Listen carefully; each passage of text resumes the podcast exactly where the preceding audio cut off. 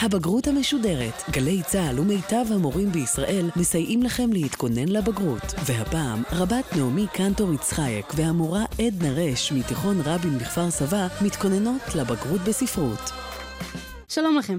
אתם על הבגרות המשודרת בגלי צה"ל, וגם היום אנחנו ממשיכים להתכונן לקראת בגרות הקיץ בספרות. אחרי שבפרק הקודם למדנו את הסיפור הקצר פרנהיים מאת ש"י עגנון, נתמקד הפעם בפרק השירה. אני נעמי קנטור יצחייק, חיילת בגלי צה"ל, וגם היום נמצאת איתי עדנה רש, מורה לספרות מבית חינוך תיכון על שם יצחק רבין בכפר סבא, שתעזור לנו להגיע מוכנים לבחינת הבגרות. שלום עדנה. שלום. את הפרק הקרוב נחלק לשני נושאים שונים שיופיעו תחת פרק השירה בבחינת הבגרות. נתחיל בשירת ימי הביניים ובשירו של רבי שמואל הנגיד, הים בני ובנך, ונמשיך בשיר על השחיטה שכתב חיים נחמן ביאליק. לפני שנתחיל, איזה דברים חשוב שנדע על שירת ימי הביניים? שלושה דברים. קודם כל התקופה. התקופה נקראת תור הזהב. תור הזהב בספרד הוא תקופה שציינה פריחה תרבותית של יהודי ספרד תחת שלטון המוסלמים במהלך ימי הביניים. למעשה היו שלוש תקופות נפרדות של שגשוג תרבותי ליהודים בספרד, בין המאה התשיעית עד המאה ה-13, שמדי פעם נקטעו על ידי דיכוי היהודים מצד השושלות ששולטות שם. יהודים מילאו תפקידים בכירים בחצר המלוכה, וקהילות היהודים שגשגו. קהילות היהודים הגדולות קמו במדריד, בגרנדה, בטולדו, בקורדובה. התקופה הזאת התאפיינה במשוררים רבים, הוגי דעות, פרשני מקרא, פרשני תלמוד, משוררים יהודים שהיו מושפעים גם מהשירה המוסלמית. מושג שני, שירת ימי הביניים. שירת ימי הביניים, צריך לזכור אותה כדיבור מקושט. כמשהו שהוא כולו מלא צבעים ותיאורים יפהפיים של טבע, של אהבה, של יין, של תשוקה, וגם, אה, כמו השיר שנלמד היום, גם של קינה ואבל. גם המבנה שלה הוא קצת אחר, בגלל שבכל שירת ימי הביניים, בכל שיר, כל שורה היא בעצם בית. והחלק הראשון של הבית נקרא דלת. הסוף של הבית נקרא סוגר. לאורך כל השיר יש לנו חרוז מבריח, שהוא זהה לאורך כל השיר, והוא נמצא בסוף כל בית. השירה הזאת אה, עשירה בשיבוצים רבים. השיבוצים הם מהתנ"ך, מהמקורות היהודיים. השיבוצים הם סוג של הרמזים, אבל לא רק. סוג נוסף מבחינת המבנה נקרא תפארת הפתיחה. זאת אומרת, בבית הראשון הדלת והסוגר מתחרזים והם נותנים לנו איזשהו משהו הרבה יותר מפואר. הנושאים שבדרך כלל מופיעים בשירת ימי הביניים קשורים לשירת חול, קשורים לשירת קודש, שירי קינה, שירי יין. יש הבדל בין שירת חול לשירת קודש. שירת קודש יותר יהודית במהותה, שירת חול מושפעת מהשירה המוסלמית. ישנם שירי קינה. והמושג השלישי, רבי שמואל הנגיד. הוא משורר אה, מאוד מיוחד.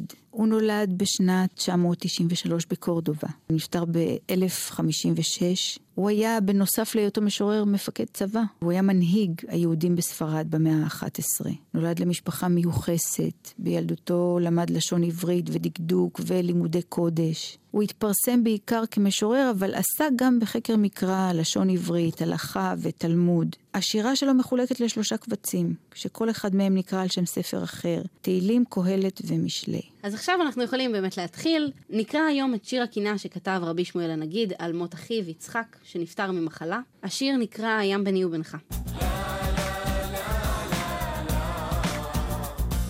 לפני שנתחיל לקרוא, במה בעצם עוסק השיר? השיר הוא שיר קינה, הוא שייך למחזור קינות על מות יצחק. המחזור הזה של שירי הקינה עסוק בבכי, במספד על האח הזה, שמת בטרם עת. קינה בדרך כלל בתקופת ימי הביניים מאופיינת בארבעה מרכיבים. יש בה בכי ומספד, יש בה חשיבה ונחמה. בשיר שלנו שמואל הנגיד מתרכז בעיקר בבכי ובצער.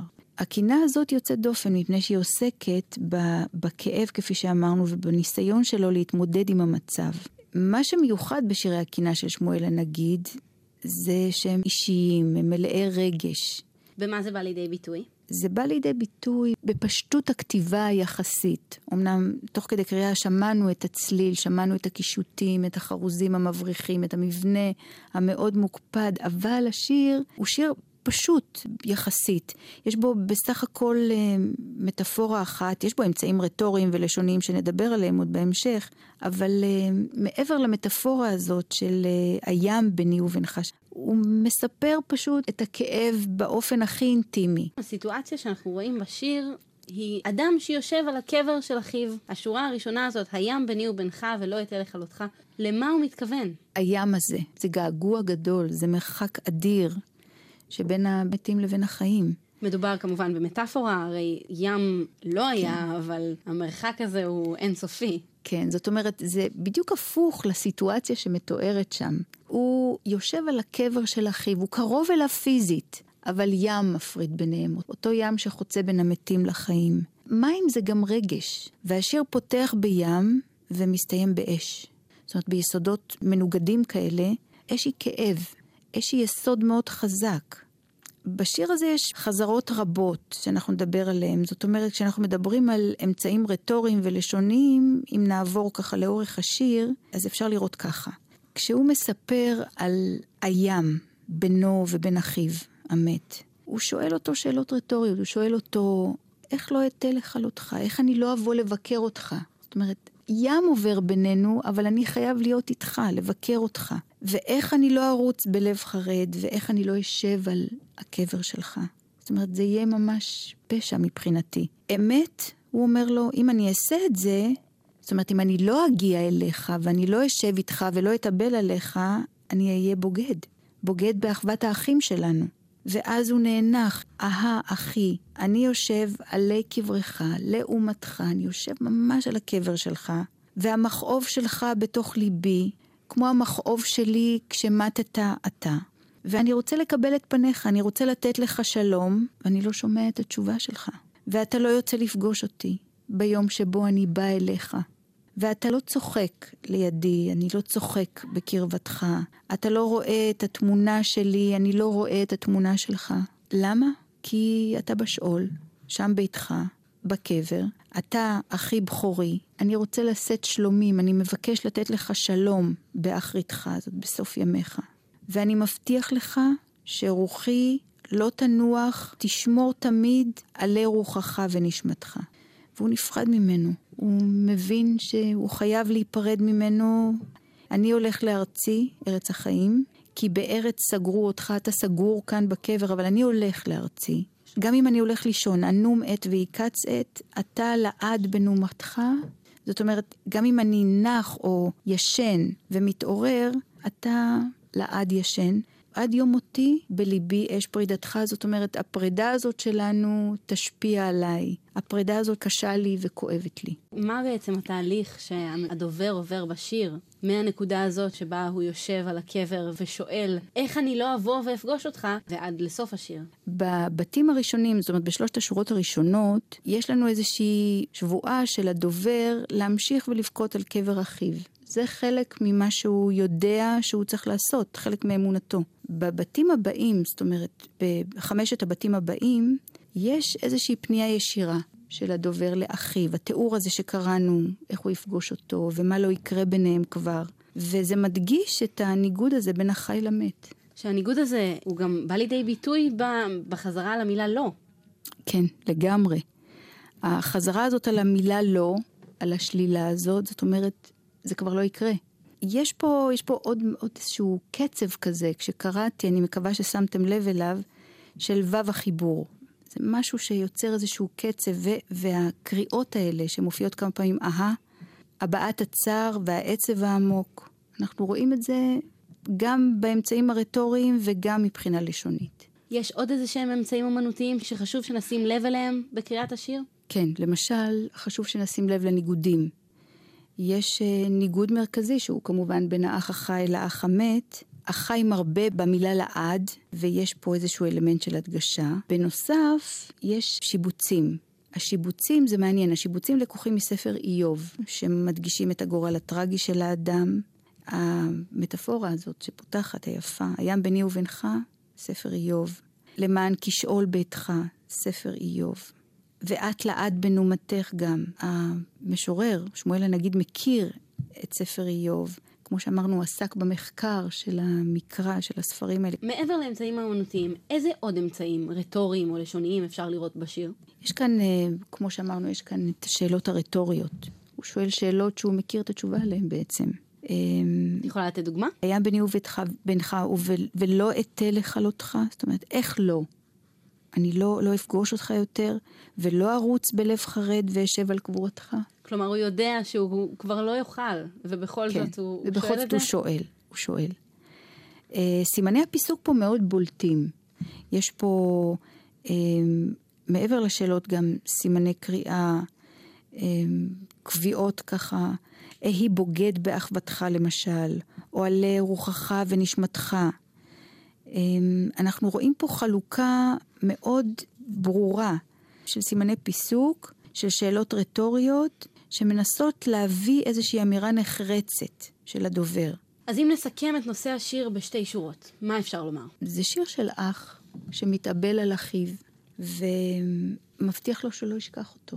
וכשאנחנו מדברים על uh, מחזור קינות, או כשאנחנו מדברים על הקשר בינו ובין אחיו, השיר הזה בעצם uh, מביא איזושהי מודעות בין ההבנה של האח המת ובין חוסר הרצון להשלים עם המוות. ובעצם הדובר מנסה כל הזמן לסירוגין לעבור בין שתי רמות של תודעה. להבין את מותו של האח, לקבל את זה, ו- וחוסר היכולת לקבל את זה. וברגע שהוא מבין שלא יכול להיות יותר קשר, הוא פשוט נפרד ממנו, ומבטיח שלא ישכח אותו. אחרי שניתחנו את השיר וקראנו ודיברנו גם על האמצעים האומנותיים וגם הרטוריים, יש לך איזה שהם טיפים להציע לי? כן, תמיד יש טיפים. קודם כל להכיר את המינוחים של ימי הביניים. מה, מה יש בשירה הזאת? מה מיוחד בה? חשוב להבין איך בנויה החריזה, איך המבנה משפיע על השיר. חשוב לשים לב לחזרות שבשיר. חזרה על המילה היא לא נועדה להדגיש את הפער, אלא את מה שלא יהיה עוד ביניהם. וטיפ אחרון? להדגיש בתשובה את ההתפתחות בשיר. מעולה. אז עכשיו אני מרגישה מוכנה. מכאן נעשה איזשהו מעבר חד, מתור הזהב נדלג אל השירה המודרנית של תחילת המאה ה-20. ונקרא עכשיו את השיר הנוקב, על השחיטה, שכתב המשורר הלאומי חיים נחמן ביאליק. רגע לפני שנתחיל, חשוב להזכיר שלושה דברים שחייבים לדעת לפני הקריאה.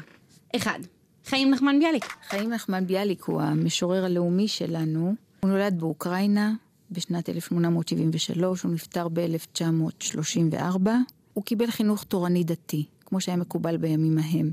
למד בחדר, בגיל שבע נתייתם מאביו ועבר להתחנך אצל סבו שהיה קפדן מאוד. היה לתלמיד חכם. השיר הראשון שלו זה שיר שכולנו מכירים, זה אל הציפור. הוא פרסם אותו כשהוא היה רק בן 18. מה שחשוב לזכור בקשר לביאליק זה שהוא היה חדשן גדול בשירה העברית. הוא השפיע על משוררים שבאו אחריו, שכונו דור ביאליק. הוא הפך למשורר בעל שם עולמי, שיריו תורגמו לשפות רבות. הוא היה מהראשונים שכתבו שירי ילדים בעברית, שאנחנו כולנו מכירים אותם. הוא חידש מילים רבות בעברית, הוא תרגם ספרים, הוא כתב סיפורים ואגדות לילדים, למבוגרים. אוקיי, נעבור למושג הבא, מושג שגם רלוונטי במיוחד לשיר הספציפי הזה, זה פוגרום קישינב. פוגרום קישינב הוא אה, אירוע קשה מאוד וטראומטי. באביב 1903 נערך הפוגרום ביהודי העיר קישינב שבחבל סרביה בברית המועצות של אז. הפוגרום החל ב-6 באפריל 1903, שלושה ימים של מהומות נגד היהודים, 49 יהודים נהרגו, 92 נפצעו קשה, 500 נפצעו קל ומעל ל-700 בתים ועסקים רבים נבזזו, נהרסו. העניין הוא שלא נעשה כל ניסיון מצד המשטרה או הצבא להתערב כדי להפסיק את המהומות. אלא רק לאחר שלושה ימים. המונח השלישי שחשוב שנדע לפני תחילת הקריאה, בעיר ההריגה. שתי היצירות האלה, על השחיטה ובעיר ההריגה, נכתבו על אותו אירוע, על פרעות קישינב, ויש הבדל ביניהם. אז בעקבות הפוגרום ביהודי קישינב נשלח ביאליק כעיתונאי לאסוף עדויות על הפוגרום ולחקור את האירוע. מיד כשהוא מגיע למקום, הוא כותב את השיר על השחיטה, במלוא הכאב, בצורה ספונטנית ו... את המסמך שהוא התכוון לכתוב מלכתחילה כשהוא בא לשם כעיתונאי, הוא לא מפרסם, במקומו הוא כותב את הפואמה בעיר ההריגה. דרך השמות של היצירות, אנחנו מבינים שהראשונה מדברת על שחיטה, השנייה על הריגה, ויש איזושהי הדרגתיות בחומרת המעשה. בעל השחיטה, האשמה כולה נעוצה בגויים, אלה שלא התערבו ואלה שנתנו לפרעות לקרות. בעיר ההריגה הוא פונה ליהודים. זה הבדל גדול. השיר שעומד לפנינו הוא שיר קשה מאוד. בבקשה, בואי נעבור בית בית ונתחיל להסביר את הבקשה הזאת של ביאליק מהבית הראשון ועד סופו. בתחילה הוא פונה לשמיים, בקשו רחמים עליי. זו קריאה של מצוקה. הוא אומר, אם יש בכם אל ולאל בכם נתיב, אם יש בכלל אלוהים שם בשמיים, אני לא מצאתי אותו. אז תתפללו אתם עליי. זה לא נובע מתוך איזושהי כפירה במושג האלה, אלא פשוט תחושה קשה מאוד שמישהו צריך לקום ולעשות משהו, נכון? תחושה של הסתר פנים של האל. יש פה במידה מסוימת גם כפירה, אבל בעיקר המצוקה האישית הזאת, כשהוא אומר, אני ליבי מת, אין עוד תפילה בשפתיי, אי אפשר להתפלל, אי אפשר להאמין כשיש אירוע כזה מול העיניים. אוזלת היד שלו, חוסר האונים, הזעקה הזאת כשהוא קורא עד מתי, עד אנה, עד מתי. זה לא נראה משהו שאי פעם מסתיים, זה נראה איזה רצף של סיוט שחוזר על עצמו שוב ושוב. בבית השני הוא פונה לתליין, והוא פשוט מושיט את צווארו. במקום שהתליין יבוא אליו, הוא מגיע ואומר לו, זהו, קום שחט. יש פה ממש איזו תמונה. תמונה. תמונה קשה של תליין שהזרוע שלו היא קרדום.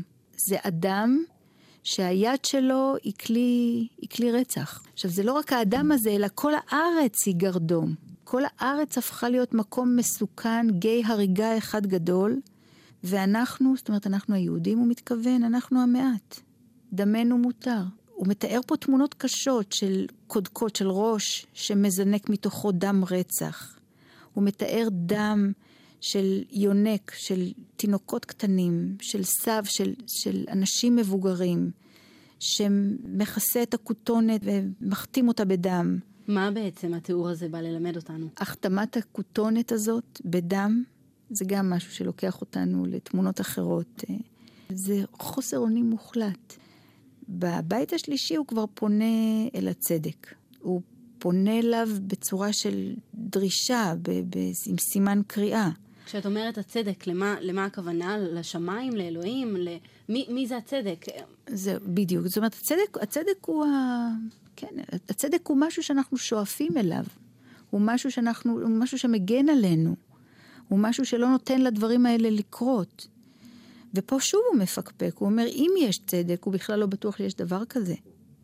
ואם יש צדק, וקורים האירועים הקשים האלה, ורק אחר כך הוא מופיע, אני לא צריך אותו. הוא מזכיר פה את הרשע, את השמיים. הרוצחים בעצם מתוארים ממש כמו חיות צמאות לדם. הוא, הוא מפקפק באפשרות הקיום בכלל של הצדק, אבל הוא בעצם מפקפק בכל. יש פה תגובה רגשית חזקה מאוד למצב בלתי נתפס. זאת אומרת, מעגל של רוע ש, שבאמת לא, לא מסתיים, שאין לו, לו התחלה ואין לו סוף, שהוא בכל הרמות, בכל המקומות, הוא למעלה ברקיע, הוא למטה עם התליין. אין תקווה, מחפשים פה משהו שיפסיק, ימוגר נא. אין. ומשם השיר ממשיך קצת אחרת, נכון? כן. בהמשך הוא פונה לזדים, אל מי שעושה את זה, לכל הרוע הזה, לאנשים האלה, והוא אומר להם, בדמכם חיו והינקו. זאת אומרת, אי אפשר לנקות את הדם הזה.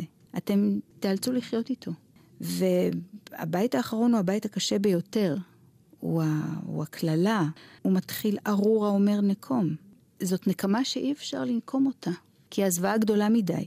הזעקה של הדובר המזועזע הזה, יש לה עוצמה של אגרוף קפוץ, היא הופכת לאיזושהי אה, קללה גדולה, כי אי אפשר גם לנקום. נקמה כזאת, נקמת דם ילד קטן, עוד לא ברא השטן. אי אפשר להחזיר על רוע כזה. גם לא בקללה מאוד מאוד גדולה. לקראת סוף השיר הוא אומר, ייקוב הדם את התהום. ייקוב הדם עד תהומות מחשקים. זאת אומרת, הדם הזה, לא, אי אפשר לאסוף אותו בכלים, אי אפשר uh, להינקות עליו באיזושהי צורה. זה דם שמחלחל למטה אל, אל התהומות, אל המקומות החשוכים האלה, והוא אוכל בחושך, הוא חותר שם תחת כל מוסדות הארץ.